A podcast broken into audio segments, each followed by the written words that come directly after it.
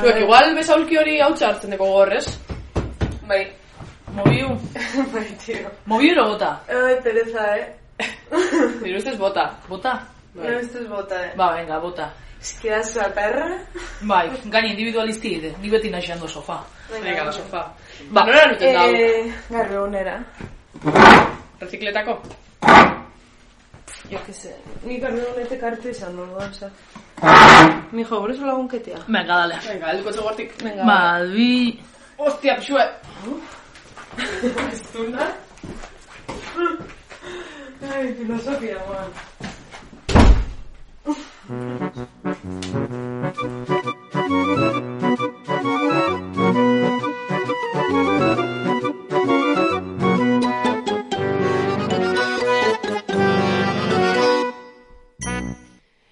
Eroan badaroago atetik kabitu ere egiten ez den besaulkitzarra. Gure etxeko eskilaretan bera, hankaz gora erortzeko arrisku betean, dinbilidan bala gertuen daukagun garbiguneraino. Balantzakagoaz. Izango da gero gerriko mina eta kontua. Nirea, zurea edo gurea, berdin balioko du inoren etxea apaintzeko. Ondo geratzen da beti besaulki dotore bat. Elegantetu egiten du pertsonaren jarkera ere. Eseri hortxe eta pentsatu, postura galai bat zeureganatu, zenbat eta bohemioago beto, eta munduari begiratu. Horixe esango dizute nostalgiak iruntzitako erromantikoek. Guk baina, besaulkiaren simbologiaren jakitun, buelta emana izan genion tradizio zaharkitu egiari. Buelta eman besaulkiari, bata bestearen mokorrei bultza egin, ipurdi guztiak kabitu arte. Eta hala, urtebete pasatxoko bidea, Nahikoa buelta eman dizkiogu, bat baino gehiago eserarazi dugu bertan, larru gorritu elegantea ajatzeraino. Zertarako daba besaulki bat gainean jarri, nahi bezala erabili, eta zahartzaro duin bat emateko ez bada? Jakina da, gauzak, okerrago eta azkarrago zahartzen direla erabiltzen ez zirenean.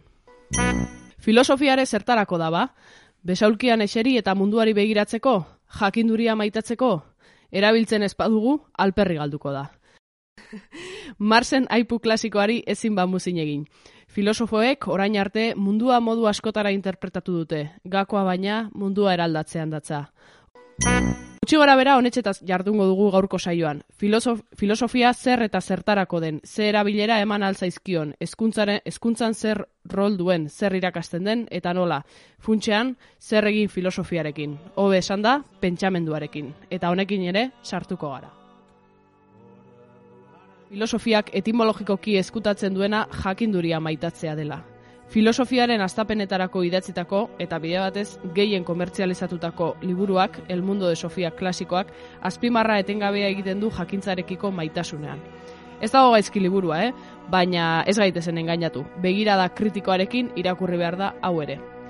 Izan ere, jakinduria maitatzea esatea ezerrez esatea bezalakoa da. Edo are, gehitxo esatea esote den, jakinduria maitatu alako mundu ibiliko baterako ateburuko leloa dirudi. Filosofian jakintzak bihotza beteko balizu bezala. Alako maitasun infinito zerutiar batekin. Oh, Sofia, zugan aurkitu dut nire naranja erdi.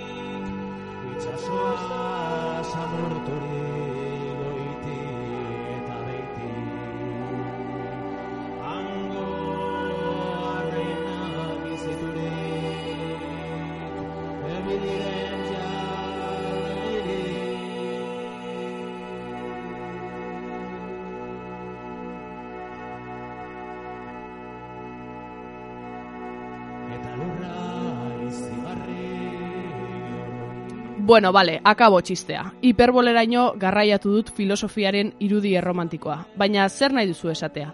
Gogoan eukan hau performatzeko. Izan ere, behin baino gehiagotan egokitu zait ikasgelan alako iruditeriarekin etortzea ikasleak filosofia klaseetara. Nonbaitetik iritsi zaie, beraz, hor jarraitzen duenaren seinale. Ikastetxetako egoeraz hitz egitera gonbidatu ditugu gurera agora filosofia elkartekoak. Ezinbestekoa da beraiek egiten duten lana, bai irakasleak modu kritikoan formatuz, material didaktiko interesgarria sortuz, era guztietako ekintzak aurrera eramanez, Esaterako gure grabaketa pote filosofiko baten ostean egin diegu. Horixe baita elkartearen helburuetako bat. Filosofia agorara ekartzea. Besaulki zaharkitu eta enklaustratuetatik plaza publikora eta ekintza politikora gerturatzea.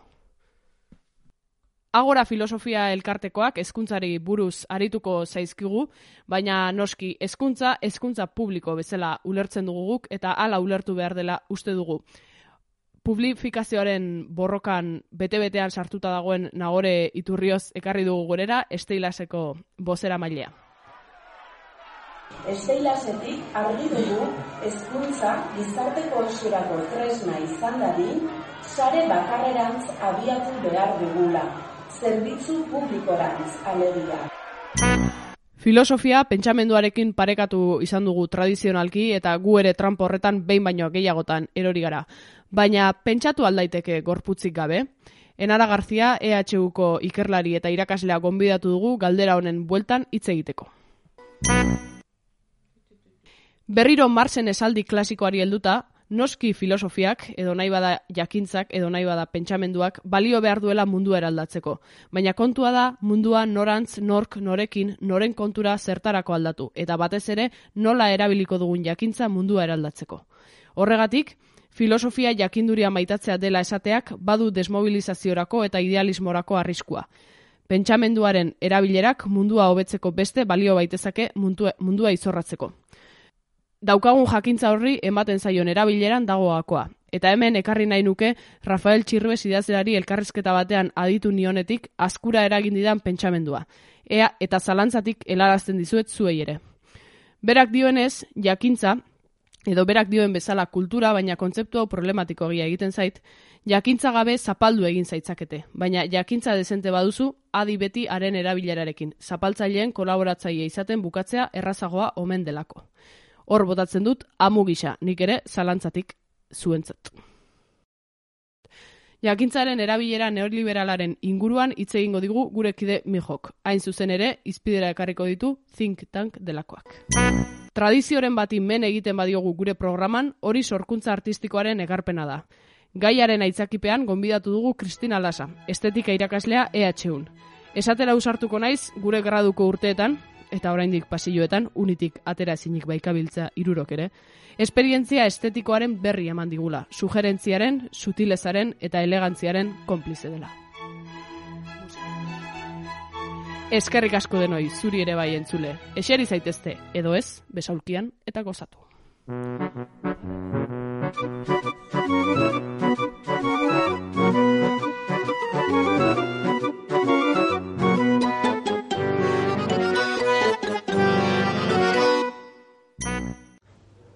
Bueno, ba, gu, e, agora sortu genuenean, e, helburu oso praktikoa izan zen. E, erasotua sentitu izan ginen filosofia erakasleok, e, e, ber legeare, legearekin, orduan e, horre, horren eraginez, e, batez ere, e, batxillerren, derrigorrezkoa zen filosofia, bigarren batxillerren, e, kendu izan zen eta eraso bortitz horren aurrean, e, reakzio moduan, e, filosofia erakaslea batzuk erabaki, erabaki genuen, beharrezkoa zela elkartzea eta eta horren egoerari e, buelta ematea.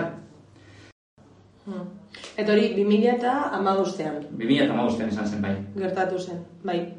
Gero, eh, hasierako motivazio hori pizka bat eh, irekitzen eh, junda eta filosofiaren balioa eh, aldarrikatzeko eta gizarteratzeko hainbat ekintza ere egin ditugu. Ahora filosofiaren elkartea den helburua e, ez dalako bakarrik e, irakasleon helburuak e, bultzatzea edo edo irakasleon sarea egitea hori baita, baino baita ere ba, filosofiaren balio aldarrikatzea eta gizarteratzea.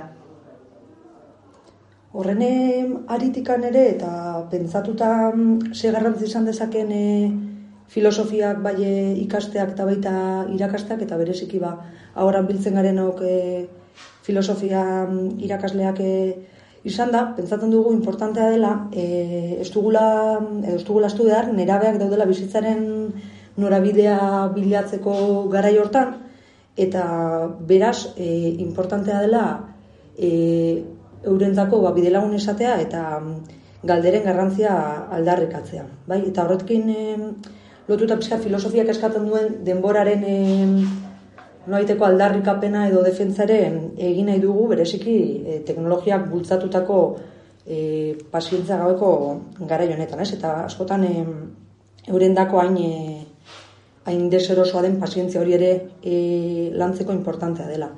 E, hortikan abiatuta, e, esan dezakegu, e, filosofiak berak baduela e, zedegin askatzaile bat eta demokratiko bat, eta edozein dogma eta autoritarismoren aurrean ere, ba, tresnak edo erramintak ematen dizkigula e, horren aurrean erantzunak bintzat e, pentsatzeko eta guztion artean e, austartzeko edo guztion artean el, elkarrizketa elkarrizketan jartzeko.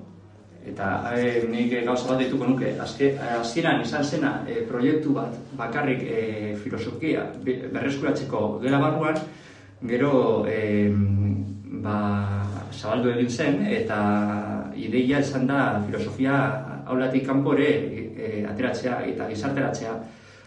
Hori da, gainera lan honetan ere e, ez gaude bakarrik e, jakimin elkarteak ere horrelakoak e, bultzatzen ditu, lerro beretigoaz, haien haiek e, aur filosofian bultzatzen duten elkartea dira eta gehiago fokalizatuta daude igual horretan, baino gure helburua antzekoa da. Azkenean ba, filosofia egitea eta filosofiaren baliagarritasun individuala eta baita kolektiboa e, aldarrikatzea. E, jonek e, lehen esan duen bezala, ba, galderei garran, behar duten garrantzia ematea, dogmak e, apurtzeko, pentsamendu kritikoa bultzatzeko eta bar, galderei e, heldu behar diegulako, ezta? Eta horregatik ni uste dut e, pote eta kafe filosofikoetako karteletan orokorrean galderak jartzen ditugu. Helburua delako ba, pentsamendua e, bultzatzea eta eta bizimodu edo bueno, ba, e, pentsamendu askatzaile bat e, zabaltzea. Ez bakarrik geletan, kanpoan, e, kanpoan ere bai, agoran ere bai, hortik dator gure gure izena, ere bai. Bai, bai, ni azken finean e, elkarte horren ikusten dut e, eta pizka bat hartuz e, Alai, Mar, Alai, Mar, e, Alaia Martine e, pasan egunean hori bertso sai horretan e, txapelketan egin zuena da filosofia, niretzat agora da filosofia bideratzeko sare bat da trampolin bat, filosofia e, e, ba, bultzatzeko. Eta azken finean kriston materiala de interesgarriak sortzen ari dira, kristo elkarrekintzak interesgarriak egin dira, eta lehen e, aukera ez genituen izango ba, harremantzeko eta filosofatzeko eta pentsamendu kritiko garatzeko eta orain ba, kristeo ba, gero eta jende gehiago elkartzen ari da adibidez kafe filosofikoetan eta alakoetan eta jendea dago alako ekintzak egiteko grinarekin. Eta Bai, kurioso da, nola, gizartean, ni uste dut, eh, guztiok igual sentitzen dugula, badagoela behar bat pentsatzeko, eh, etenaldiak hartzeko, eh, urgentea dena gusteko eta importantea denari heltzeko eta horretan badenok nola bait filosofiaren eh, beharra edo sentitzen dugu, baino gero eh, badirudi legea beti kontran daukagula, ezta? Edo, edo beti badirudi oztopoak ditugula, filosofia eh, eri garrantzia kentzen saiola eta eta oraingo legearekin ere e, antzeko antzeko gertatzen gertatzen ari da. Naiz eta batxilergoko bigarren mailan filosofiaren historia derrigorrezkoa izan, DBH-tik etika kendu, kendu dalako. Lehenengo, DBH-ko lehenengo mailan bakarrik ematen da, eta DBH bi, iru eta laun e, ikaslek ezingo dute etika ikasi. Eta hor, izugarrizko galera daukagu gizarte bezala. Horrekin lotutare, igual e, aipatzea ez gure borroka horretan ari garela bai legearekin eta bai eta e, legea onera ero moldatzeko gure bai hezkuntza esparruan, baina ez astea eta berriro ere e, aldarrikatu zaipatu dugun gure ze, elkarteri izena ematen dion agora ero, ero plaza hori bai borroka egiten dugula legearen e, aldetik lortu alizateko e, hezkuntza legea proposago bat gertatzen zaiguna, baina baita ere jarretzen dugula borrokan gure agora propiotan, ero, ero kalean, eta fiska kafe filosofikoena e, berreskuratuz, e, zabaltzea gonbite bat, e, proposatzen ditugun e, alako ekintzak direlako e, komunitate horren aldarrikatzearen e, seinale, eta beraz gonbidatzea edo nor, e, aipatu moduan espazio diferentetan, ospatzen ditugun kafe filosofiko horietara ere, ez? Bizkai aldean Bilbon daukagu e, ardaztuta, baina baita ere aipatzea Gipuzkoan Tolosaldean elkartu oi garela, herri desberdinetan, e, eta baita ere e, ibaik aipatu bezala, ba, hasi garela edo badagoela mugimendua gazteizen, dagoenako, eta, eta iruñan ere, orduan, e, aipatzea espazio horiek espazio irekia direla, eta edonor e, etorri daitekela. Azken finean bizitza zeleratu, gero eta zeleratu da, eta ezinbestekoa dira e, guneak gelditzeko, eta nik uste dut azken finean gure gu egiten duguna, da alako aukerak ematea, ba, slow motion pentsatzeko, edo hori poliki-poliki pentsatzeko, e, karu, garrezkoa den de, denbora hori izateko, eta bueltak emateko. Ze, e, egunerokotasun erritmoan, pentsatzea e, da kriston zaila. Bai, zaila da, eta eskoletan ere ez daukagu horretarako tartean dirik, e, kurrikuluma aldatu zaigu, egia da, e, eta, bueno, e, zorionez, e, batxierroko bigarren mailan esaterako, ba, hainbat emakume sartu dira, kurrikulum e, zirri borroan oraindik dagoen kurrikulum horretan emakumeak e, aipatzen dira, euskal e, pentsalariak ere aipatzen dira, eta eta hori positibo bezala hartzen dugu, naiz eta bai uste dugun oraindik bide handia geratzen dela normalizatzeko ba, pentsamenduaren e, munduan eta filosofiaren munduak munduan emakume izenak e, gehiago entzun behar direla, euskal pentsamendua ere bai e, jarraitu behar dugula horretan basakontzen eta eta hortik oraindik e, bueno, ba, bidea egin behar dugula esango nukenik. Mhm hitz egiteko, pentsatzeko, dogmak puskatzeko eta galderak egiteko, ezta? Zer litzateke bizitza galderari gabe.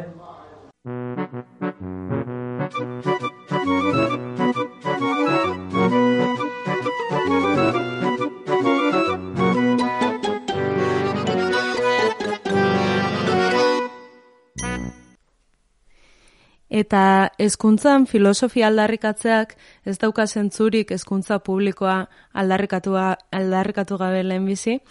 Horretarako ekarri dugu nagore iturriotz, bueno, ekarri dugu ez etorri da bera bakarrik ez daila izanko bozera mailea. Kaixo nagore? Kaixo, eskarrik asko gonbidatzeagatik. Bai, e, besteri gabe galderan sartuko gara, galderetan sartuko gara ia zuzenean. Zergatik e, kritikatzen dugu hezkuntza lege berri proposamen hau edo ze ze zer ikusi dauka lege honek e, politika neoliberalekin? Ba, nik uste e, ulertzeko ze kontestuetan proposatzen den hezkuntza lege aurre proiektu hau ulertu behar dugu den e, gure hezkuntza sistemaren errealitatea, ez? Eta egun duguna da edugula hezkuntza sistema dual bat, oda publiko pribatua dana, e, estatu mailako potoloena, oda handiena, e, uneko berrogeita marrean, uneko berrogeita maika e, publikoa eta uneko berrogeita behatzea pribatua da. Eta er, e, Europar batasuneko bigarrena, Belgikak soilik du ituntze maila altuagoa, bai? Eta ulertu behar daukegu gainea, hori gertatzen dela, ze bere garaien, e, bumerra garenok, bebi bumerren garaien, e, ezkuntza publikak ez zuen gaitasuna e, asetzeko zeon eskaintza guztia, bai? Orduan, ba, pesoek bere garaien erabaki zuen ituntzea, e, sare pribatuko hainbat ikastetxe ze ezin zan e, asetu publikotik. Ka baino hain demografikoki kontrako errealitate daukegu. Oain dozkegu ume gutxi eta e, ikastetxe asko. Eta hain berez printzipioz kontrako erabakia hartu beharko litzateke. E, inbarko litzatekena da gailendu eskaintza publikoa, ze, e, dana subsidiarioa egun, adibidez, Gipuzkoan, non Gipuzkoan gatazka potoloa dago, e, sare publiko eta pribatuen artean bereziki, eta adibidez, eskaintza publikoa Gipuzkoan da, ez da, euneko berrogeira iristen.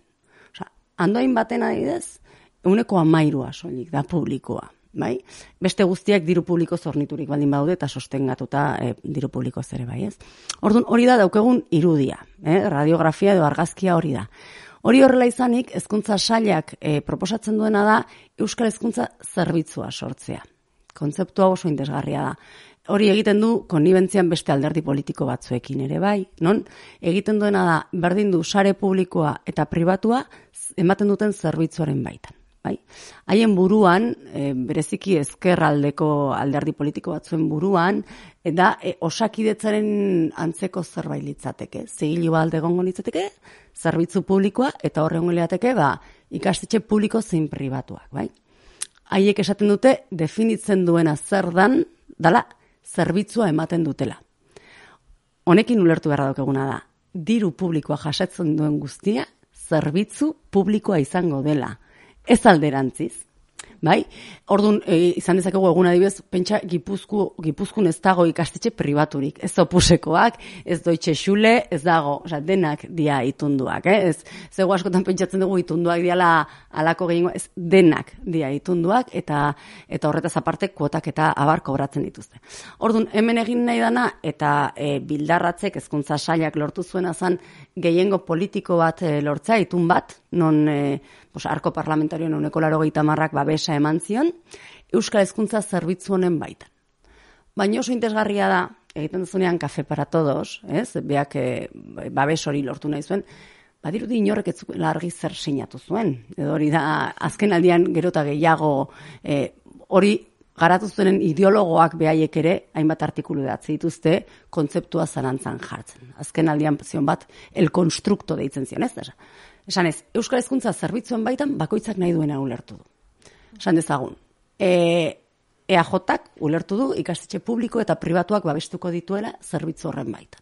Titulartasunetik aratago. EH Bilduk ulertu du ikastetxe publikoak eta ikastolak sartuko diala zerbitzu horren baitan.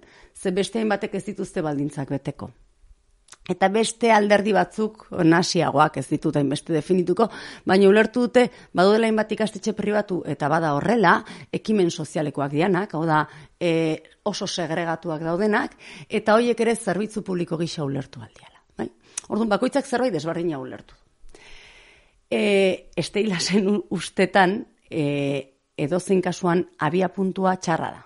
Hau da, e, egin beharko genukena da lehenengo definitu ze ikastetxe merezi duten ituna jasotzea edo alditugun guztion artean ordaindu esan dezagun, ez? O, e, hor kriba bat egitea edo benetan legedian jasota dagoena betearaztea izan ezin diala kuota kobratu, ze ilegalak dira, edo laikotasuna bermatu behar dala legez, ze jasota dago eta ez da inun bermatzen, horrelakoak bermarazi eta gero ikusi sobrante dian ikastetxe itundoiekin zer egiten dugu, bai?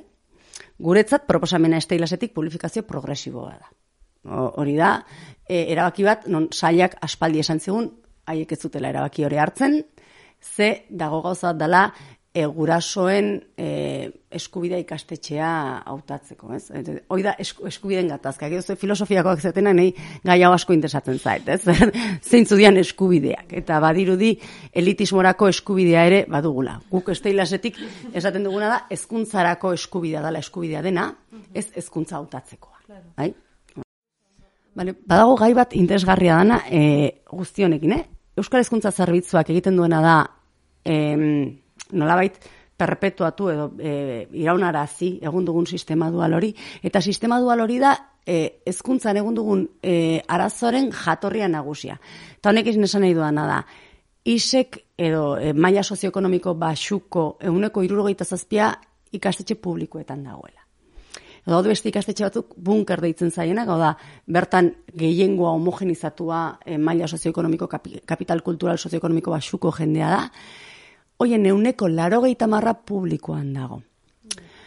Hemen badago deitzen duguna le- negazionismo de la segregación, ez? Askotan esaten da, eske ez, segregazioa badago ikastetxe ikastetxe. Da, bulina bezala. Bulina pertsonei gertatzen zaie. Gertatzen da, eh, arrazoi, eh, arraza, klase, genero, eta ez, eta, eta sistema dualak berdin funtzionatzen du. Bada egia, dena publifikatuko bagenu ere, ikastetxe publikoen artean arrakala egongo litzatekela, arrakala urbanismoarekin zerikusia duenak, eta bar, eta bar. Baina lehenengo gakoa, sistema publiko pribatua gainditzea da. Eta ondoren, bestelako neurria jarri barko ditugula. Hori egin ezean, guretzat, ez dugu legerik behar. Hau hau aldatzeko, aldatuko ez badu, ez dugu legerik behar. Bueno, eta hezkuntza publikoari buruz eh, hitz egin diguzu eta hezkuntza publikoa aldarrikatu duzu eta galdetu nahi gerizuke mm, esteilasetik hezkuntza publikoaren ze eredu aldarrikatzen duzuen. Ba, hor, zoin nola filosofiakoak zeaten, eta nei gai hauek, eh, gai hauen inguran zuen entzutearea gustatzen zait, lehenengo pentsatu beharko genuke zein dan hezkuntzaren funtzioa, ez da?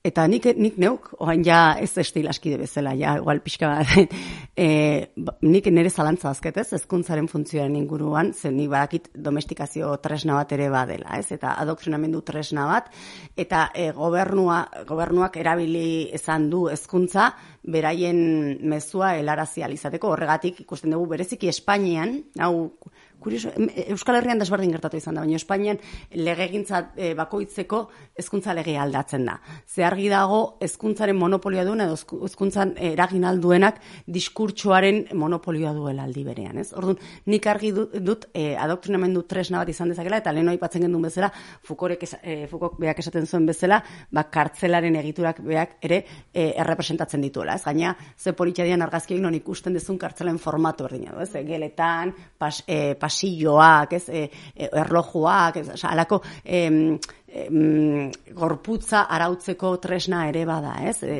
eta ni hor, nik horrekin bat egiten dut, eta uste horrekiko kritiko izan behar dugula. Baina hezkuntzak ere badu beste funtzio bat, eta hori da guk aldarrikatzen duguna. Gizarte kohesionatzaile gisa ere funtzionatu aldu. Baina horretarako ezinbestean publikoan izan behar du. Oda, guk sindikatuan dugun aldarria da denona eta denontzat den hori, Eta denona eta denontza da, gero ikusi barko dugu, nola gauzatzen dugun. Baina gutxinez izan behar duke esparru hori non e, besteok ikuitzeko, usaintzeko eta e, babak elkarbanatzeko e, esparru bat ere baden, ze e, guk duguna da gero eta gehiago e, meritokrazia logika horretan, ez, e, elitismo akademikoa gailentzen dela, eta nik pentsatzen dut, ez, e, nun dauden, leheno ikastetxe bunkerizatuak aipatu ditut. Ez aldia ba bunkerrak toki horiek non txuri e, pijo guztioek doazen dena batea, eta sekula ez duten ikusiko bestela usaintzen duen, pentsatzen duen edo dagoen beste norbait, ez? Orduan, horrek nolabait egiten duena da irudikatu gure etorkizuneko gizarte hori. E, horregatik guretzat, azken aldian asko entzuten da, ezkontza publikoaren inguruan, ba, haren kalitatea zalantzan jartzen da, nik argi dauket, e, zerbitzu publikoen kalitatea zalantzan jartzen denean dela, e, haien estigmatizazio eta desmantelazioaren lehenengo pausoa, ez? Eta e, usteet, e, ez soilik haien kalitatea, haien funtzioa ere e, kuestionatu beharra daukegula, ez? E, nik ezagik zalantzaik, e, hezkuntza publikoaren funtzio bat, kalitatea bermatzea ere izan behar duela, baina horren gainetik gizarte kohesioa dago, ze bestela egun dugun eh, segregazio hori, eske, ikastetxetan, ni hain ez diskurtsa usaltzen, baina ez duguten zea herritara, eta herriak daude banatuta beraien hezkuntza zerbitzuaren arabera, parkeak, gurasoak, ez? Orduan, hori izango da, etorkizunean izango duguna. Izan euskarariko, e, euskararekiko, izan edo zein gauzetarekiko, da, haibez ikastolak, eta nik behin da berriro esango, et, ene, e, badirudi, e, publikoen da, eta ikastolen arteko gatazka badagoela, inondik inoa, ikastolak e, gure sindikatuak babestuta jaiozian bere garaien da eta publikoak izateko helburuarekin ere jaiozian, baina ezin duguna da euskararen gotorleku bilakatu ikastolak. Ze guk egin behar daukeguna da be, euskararen biziraupena e, bermatu nahi baldin badugu da ba, euskara edatu behar daukegu. Ze bestela lort, egingo dugu euskara atxikitu euskara ikasteko gai izan den horretarako eta gure ezin dugu pentsatu bakarrik herri propio bat nahi dugula, pentsatu dugu ze herri nahi dugun, eta e, eta hizkuntza horrek ere nola, nola egingo duen herri hortan ze funtzio, ez? Ados, ba, guk ez dugu galdera gehiago prestatu, nahi baduzu azken ekarpenen bat egin? Ez, ni oso gustora egon naizela eta asko gustatzen dela zuen programa, mila esker gonbidatzeagatik. Ezkerrik asko nagore. Hezkuntza publiko feministaren baitako filosofia nahi dugu. Filosofia pentsamendu gisa ulertzen badugu, nola ulertzen dugu pentsamendua? Pentsamendua bera bir definitu behar dugu, eta gorputzera, harremanetara eta politikara ekarri.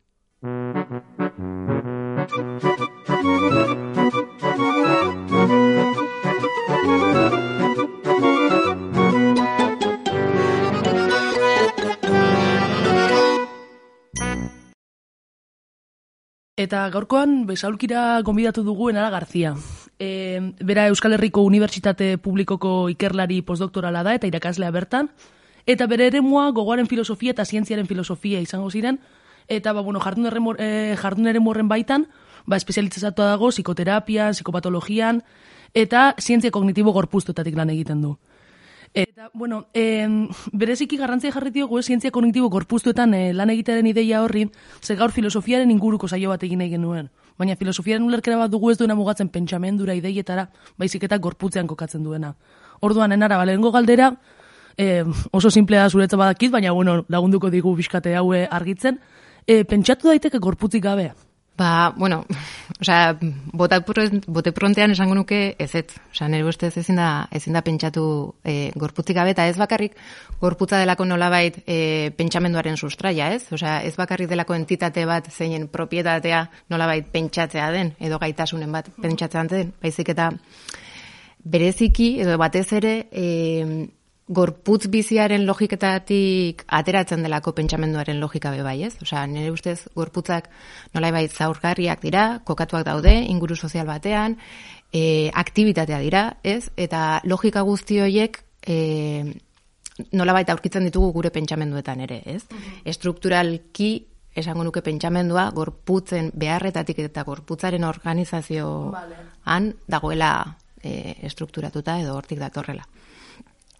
Eta, bueno, pixka bat, e, irratxa joan daukazuten gaiaren arira, osea, nire ustez, e, bai gorputza eta adimena separatzen dituen dikotomia hauek, ba, badira, e, gizarte modernoak edo pentsamendu modernoa dauzkan natura, kultura, subjektu, objektu eta dikotomia guzti hauetatik eratorrietako bat, ez?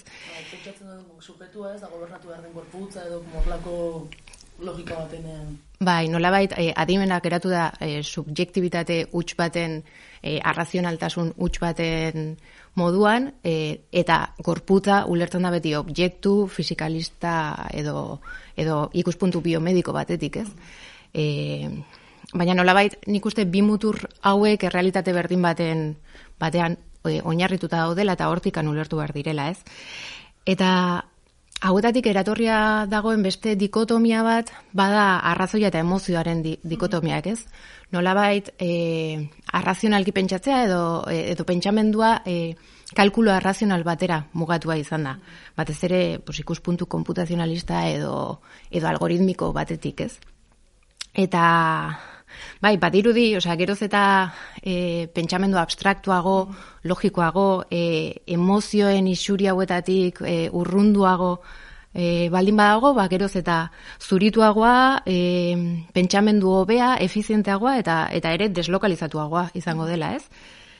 Eta, bueno, nolabait, nire ustez pentsamendu e,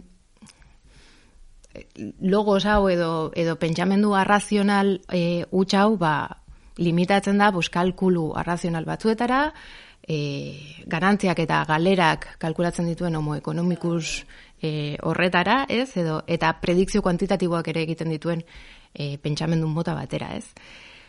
Eta, bueno, baina bestalde, osea, e, edo ikuspuntu gorpuztatu batu batetik ordea e, emozioak intrinsekoki e, daude pentsamenduan txertatuak. Ez dago pentsamendurik emoziorik gabe ez dago arrazoirik pentsamendurik gabe ez? Bada e, logos honen atzetik dagoen mitoa. Ez Eta, bueno, ezakit, osea, Merlo Pontik adibidez, e, gorputzaren fenomenologoak edo edo psikoanalisiak adibidez, e, betidanik esan dute, ez? Ba, kontzientziak badaukala struktura erotiko bat, ez?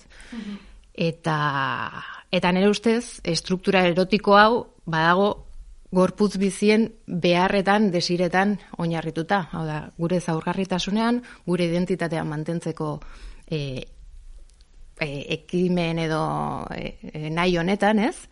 E, Eta, eta hori argi dago adibidez, osea, erabakiak hartzeko e, emozioak hartu behar dira kontuan, ez?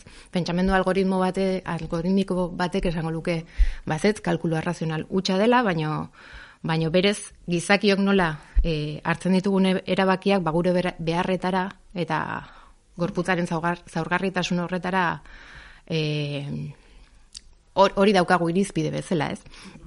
E, gauza da, ezakit, algoritmo batek edo robot batek ezin du ezin du esan zer den garrantzitsua bere inguruan. Osea, hau da, algoritmo batek irudiak e, konputatzen baldin baditu edo analizatzen baldin baditu, irudi guztiak analizatzen ditu berdin.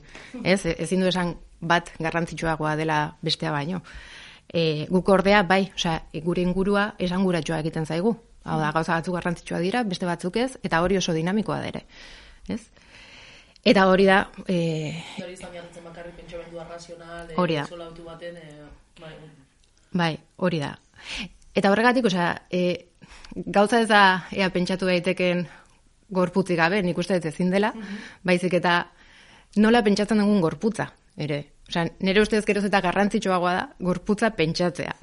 Eta, eta pentsatzea ez bakarrik ikuspuntu e, fisikalista edo biologizista batetik, ez, desentzialismo batetik, baizik eta baizik eta gorputz bizia bere komplexutasunean. Ez? Osea, bai e, bere behar fisiologikoak, baina baita bere behar emozionalak, bere konportamendua, e, bere identitateak eraikitzeko eta berresteko egiten dituen e, aktivitateak eta jarduerak, e, e- eta gure e, erlazio intersubjetiboak ere, e, eraikitzen gaituzten erlazio intersubjetibo horiek ere e, aintzat hartuta ez.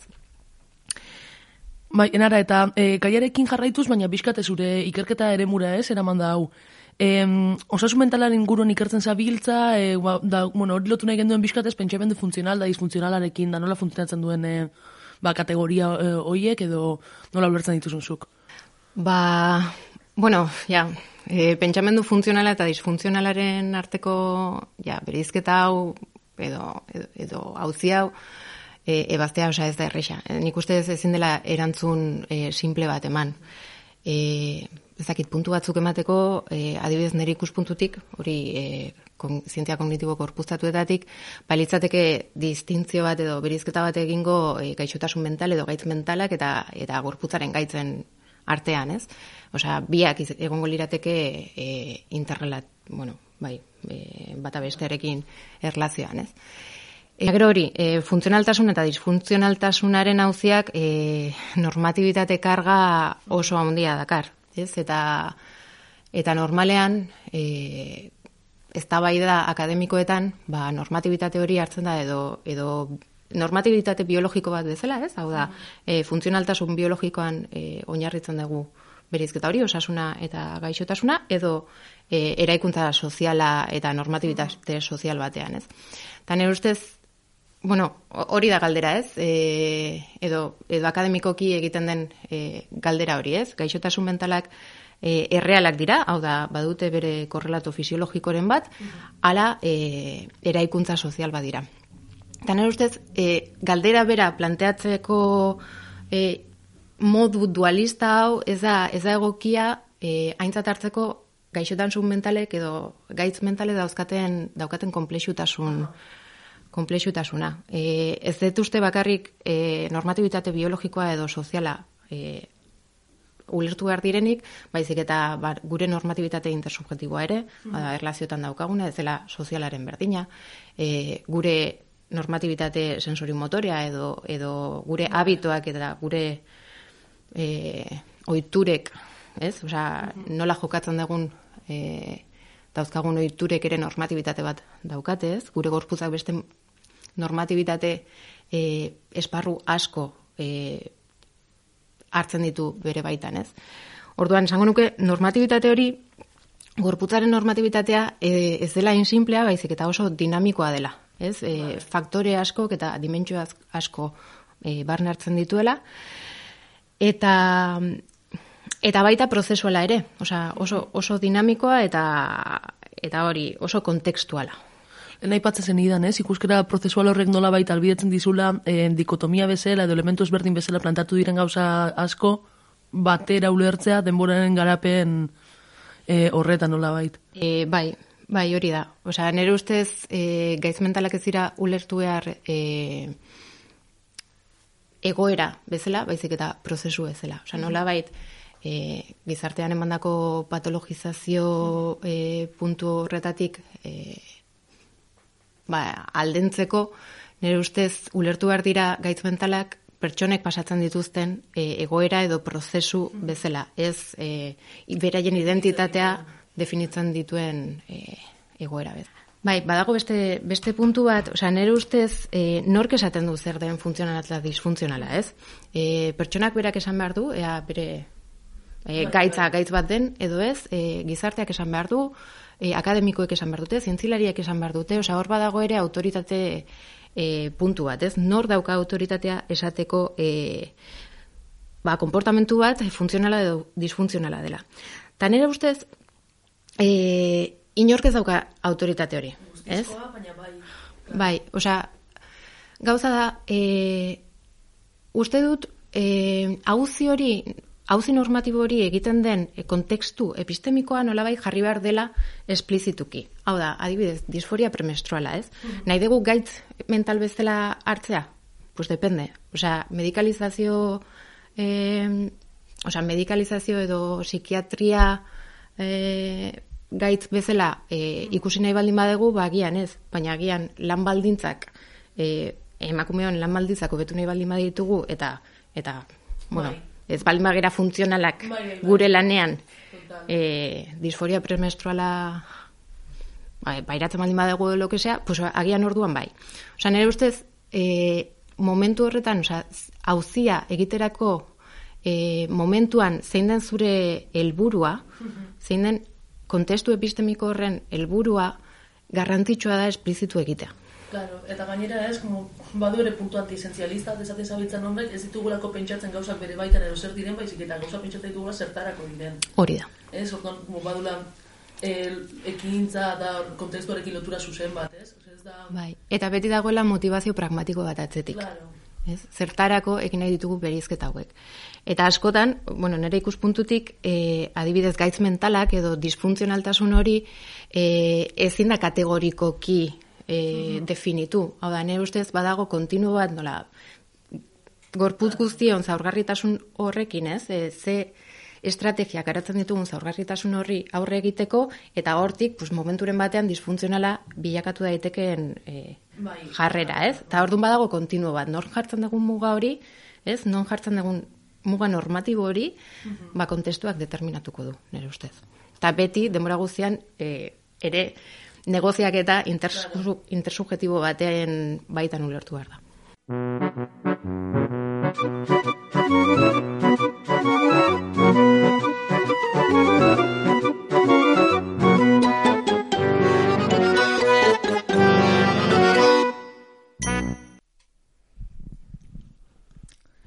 Askotan, filosofiaren balioa goraipatzeko orduan esaten da pentsamenduak mundu eraldatzeko aukera eskaintzen digula. Kontua da munduaren eraldaketak ez duela zertan onerako izan beti. Gaurkoan bezaulkian, pentsamenduaren ideia erromantizatutik oso urrun dauden think tanken inguruan hitz egingo dugu. Think tankak ideia laborategiak dira, ikerketa institutuak, gabinete estrategikoak edo hausnarketarako edo pentsamendurako zentroak. Lotura zuzenak eratzen dituzte talde politikoekin, presio talde edo lobiekin, laborategi militarrekin, enpresa pribatuekin edo bestelako instituzio akademikoekin. Mila bederatzi da berrogeita, aurre, berrogeita marretik aurrera, esponentzialki ugaritu da zintanken kopurua. Gaur egun, neoliberalismoaren onurarako funtzionatzen duen sare global bat osatzen dute. Sare horretan korapilatzen dira, fundazio pribatuak, enpresariak, politikariak, ekonomistak eta kasetariak. Sare hauek estatuaren ingurua mugitzen dira, eta politika publikoetan eragiteko asmoa izaten dute. Batzuetan, estatuaren azpitik, baina maiz gainetik ere. Think tank neoliberalek eskuntzan nola eren goten aztertuko dugu bi adibiderelekin. Lehenengoa, Txileko Libertad y Desarrollo Think Tanka izango da. politika neoliberalaren laurategi den Txilen, estatuaren kanpotik politika publikoetan jardun izan duen eta jaroten duen aktoretako bat da, Libertad y Desarrollo Think Tanka. Urrengoak dira sortzaien ezaugarriak. Denak datoz familia beratxetatik. Denak egon ziren publikoki konprometituta Pinotxeten diktadurarekin. Gehiengoak eskubiko talde politikoentan kargu garrantzitsuaren bat izan dute.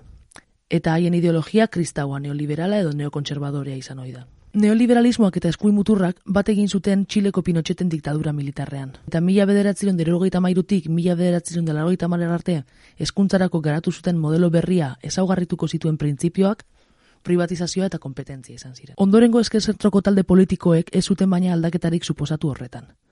Privatizazioaren ereduak aldaketa txiki batzu jasan arren, ez zuen aldaketa erabakigarrerik aurkitu, larogeita margarren amarkadatik 2000 amargarren urtera arte egin ziren politiketan. Lortu zuen ofentsiba neoliberalak nahi zuen helburua.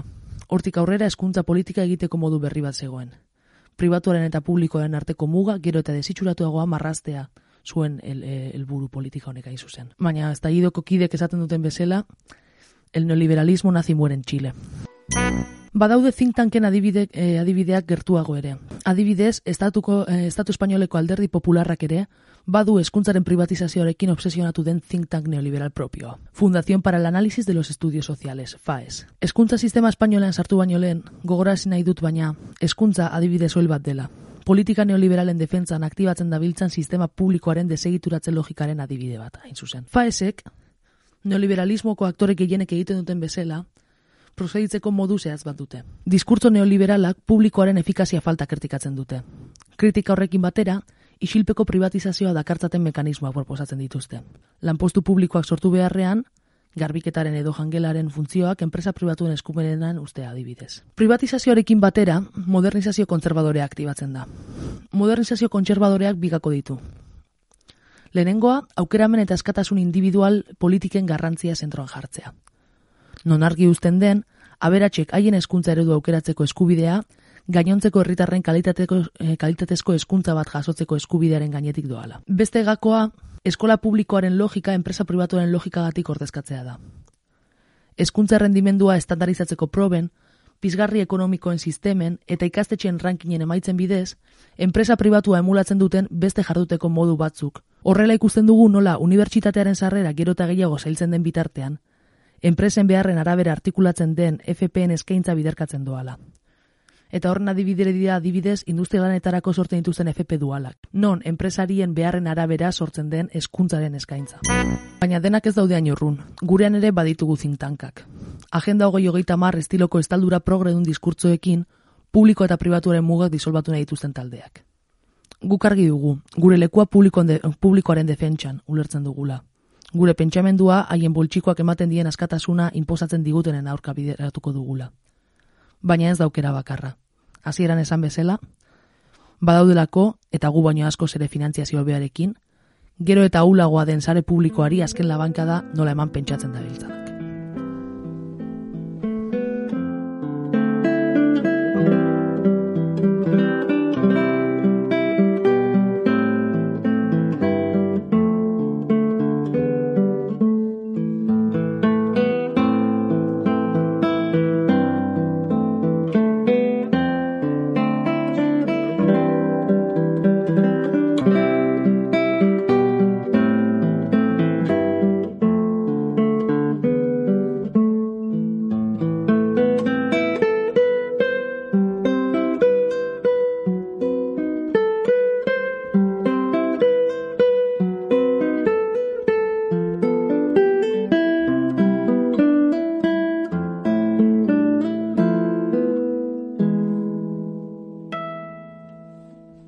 Leo Brumner kompositore kubatarraren azaroaren egun bat izeneko tema entzun dugu. Alexandra Whittingham gitarra jotzailearen bertsioan, interpretazioan. Musika ederra entzun dugu bai. Edertasunak aldartea sosegatzeko pixka bat balio duta. Izan ere, besaulki honetara izan naiz gonbidatua, gogo eta egitea eta partekatzera. Baina, ze aportan ezake nik pa. Ze berri, zaharrak berri. Ziurtasunik gabeko garaiotan nondik demontre ari da aizea jotzen.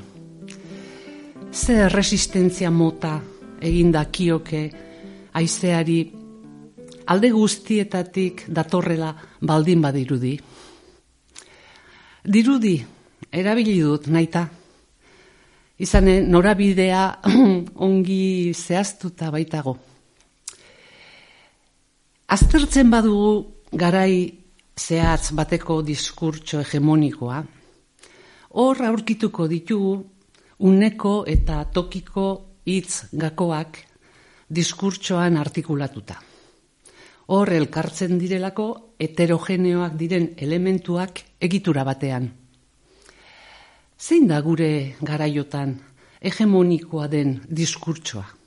Hau da, heterogeneoak diren elementu horiek nola artikulatu agintzen du, duen diskurtsoa. Ba, merkatu kapitalistarena, merkatuaren legeak, ideologia kapitalistaren zerbitzuan. Eta gurean ere bai. Erreparatu bestela ekibalentzien legeak eta estadistika nola aplikatzen diren akademian. Gure jarduna gora beratsua, komplexua zifretara erreduzituz. Gogoratu nola bilakatu ziren egun batean gure klase orduak kreditu. Aldaketa horiek ez dira ondori hori gabe eman. Zeren diskurtso orok sortzen baitu bere errefusa edo ondakina. Zerbait kanpoan utziz. Ahots propioa azaltzen duten banakoak, edo parrokiakide ez diren hoiek isilaraziz. Segregazioa, esaten diogu gizakion kasuan, ez da? Gure garaiko diskurtsoaren imperatibo nagusiak gehiago bizitzaren esparru guztietara zabaldu eta agintzen du.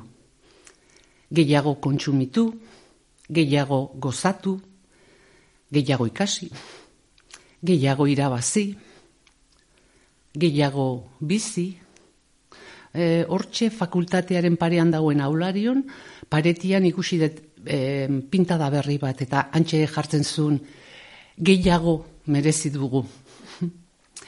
Adjetiboetan ere deklinatzen da, etengabe. Ederrago, gazteago, garestiago, sendoago, berriago. Eta konturatu gabe, geure egiten dugu gehiagorako eskakizun hori.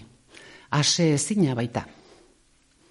Orduan zer egin daiteke filosofian jardutean, diskurtso hegemonikoaren zerbitzuan ez gartzeko, haren agindua horren asimilatuta baldin badugu. Ba, nire proposamena hause da. Erresistentzia moduak sostengatu. Lehenengoz, ez onartu gure jardunaren degradazioa. Gertaliteke, eta zenbait kasutan alaxe gertatu da, komunikazioaren zerbitzuan, divulgazioaren zerbitzuan, ojo, hori ere imperatiboari erantzunez, eh? Ge informazio gehiago behar delako premisapean. Hm? Hortaz, gertaliteke modu harinean, ulergarrian edo entretenigarrian, landu nahi izatea oso komplexoak diren kontuak. Gertaliteke boterean daudenak, beren diskurtsoaren pobreziaz jabetuta, filosofian jarduten dugun ongan jartzea beren interesa. Ernegeo, ongi aztertu behar dugu zepapera jokatzen aigian. Bigarren proposamena. Ez kontsentitu gure jarduna merkantzia gisa tratatua izatea. Irautza teknologikoak diskurtsotik kanpo utzitako ahots desberdinei lekua eskaini die, bai, baina kontuz. Zeren teknologia ere diskurtso hegemonikoaren logika beraren mende baitago, gehiago, berriago, azkarrago. Eta jakin badakigu ikustearen edota ikustera ematearen faszinazioak ez duela denborarik behar. Bere alakoan betetzen baita satisfakzioa. Idazketak adirazten duen ausentziarekin konparatuz, pantailak berriz gehiegizko presentzia eskaintzen du. Konturatu gabe, oitu gea dana kontsultatzen gure dispositiboan. Baita ze gualdi ikendune, jadanik ez dugu lehiotik begiratzen. Natura soberan dugu. Errepresentazio modu berri horrek, sinetxarazi nahi digu, berdin egin dezakegula pertsonekin eta jakintzaren transmisioarekin. Pantailaren dizdiran ordezkatu. Horrek gure bakardadera eramaten gaitu. Eta guk gure bakardade hori internetera igotzen dugu. Hona hemen ba nire erresistentzia modurako hirugarren eta azken proposamena. Solaskideak bilatu, elkartzeko espazioak eta ekimenak suspertu, ditugunak zaindu. Denbora hartu horretarako, zeren ezuraragizko solaskideak behar baititugu pentsatu alizateko eta gure pentsakizunak zirkulazioan jartzeko.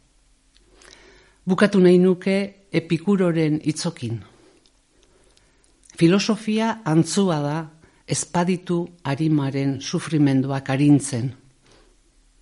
Horri gaineratu nahi niokenik, arimaren sufrimenduak, pasioak, besteekiko erlazioan bakarrik tratatu daitezkeela. Orduan, filosofian jarduteak, solaskideak behar ditu, naita ez, ezur aragizko solaskideak. Eta hori horrela, besaulki honetatik analtxatu, kanpoan euri jari du, Susan Begaren ahotsaren laguntzaz, kaleko iskinean daun taberna kafetegi batea jungo naiz, autobusaren zaina hon bitartean. Aio.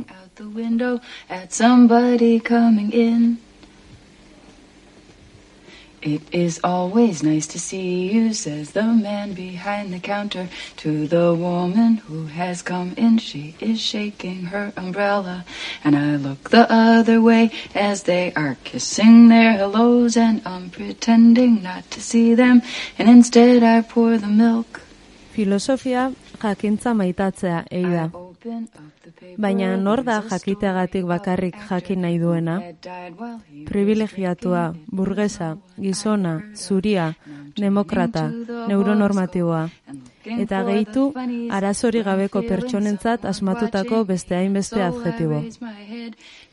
Guk ez dugu jakiteagatik bakarrik jakin nahi. Tripetako korapiorik askatzen ez duen edo korapilok gehiago korapiatzen ez dituen jakintzarik ez dugu maite. Filosofiak badauka ardura asmatzen dituen kontzeptu potoloen pertinantzea ziurtatzeko. Besaulki honetatik botereaz jardun ginen. Eguneroko harremanetan ezartzen dugun, duzun, dudan, dizudan, didazun, didazuen eta abar botereaz. Eta gero, lehen programako ideia, genero harremanen eta familiaren etxeetan lurreratu genuen. Gure programa amaitzear da. Beti besaulkian eserita dagoenak bizkarreko mina izaten baitu azkenerako. Gainera, egiari zor, EHUko plastikozko aulkietan grabatu dugu podcastaren satirik handiena. Agian norbaitek esango du ez ditugula filosofiaren gai nagusiak landu. Zer da izatea? Zer ezagutu daiteke? Zer da bizitza ona? Zeharka denak erantzun ditugulakoan gaude. Adi entzun duenak igerriko dio. Eraldaketarako behar dugun jakintza baino ez dugu maite. Eta hori ere ez da gutxi.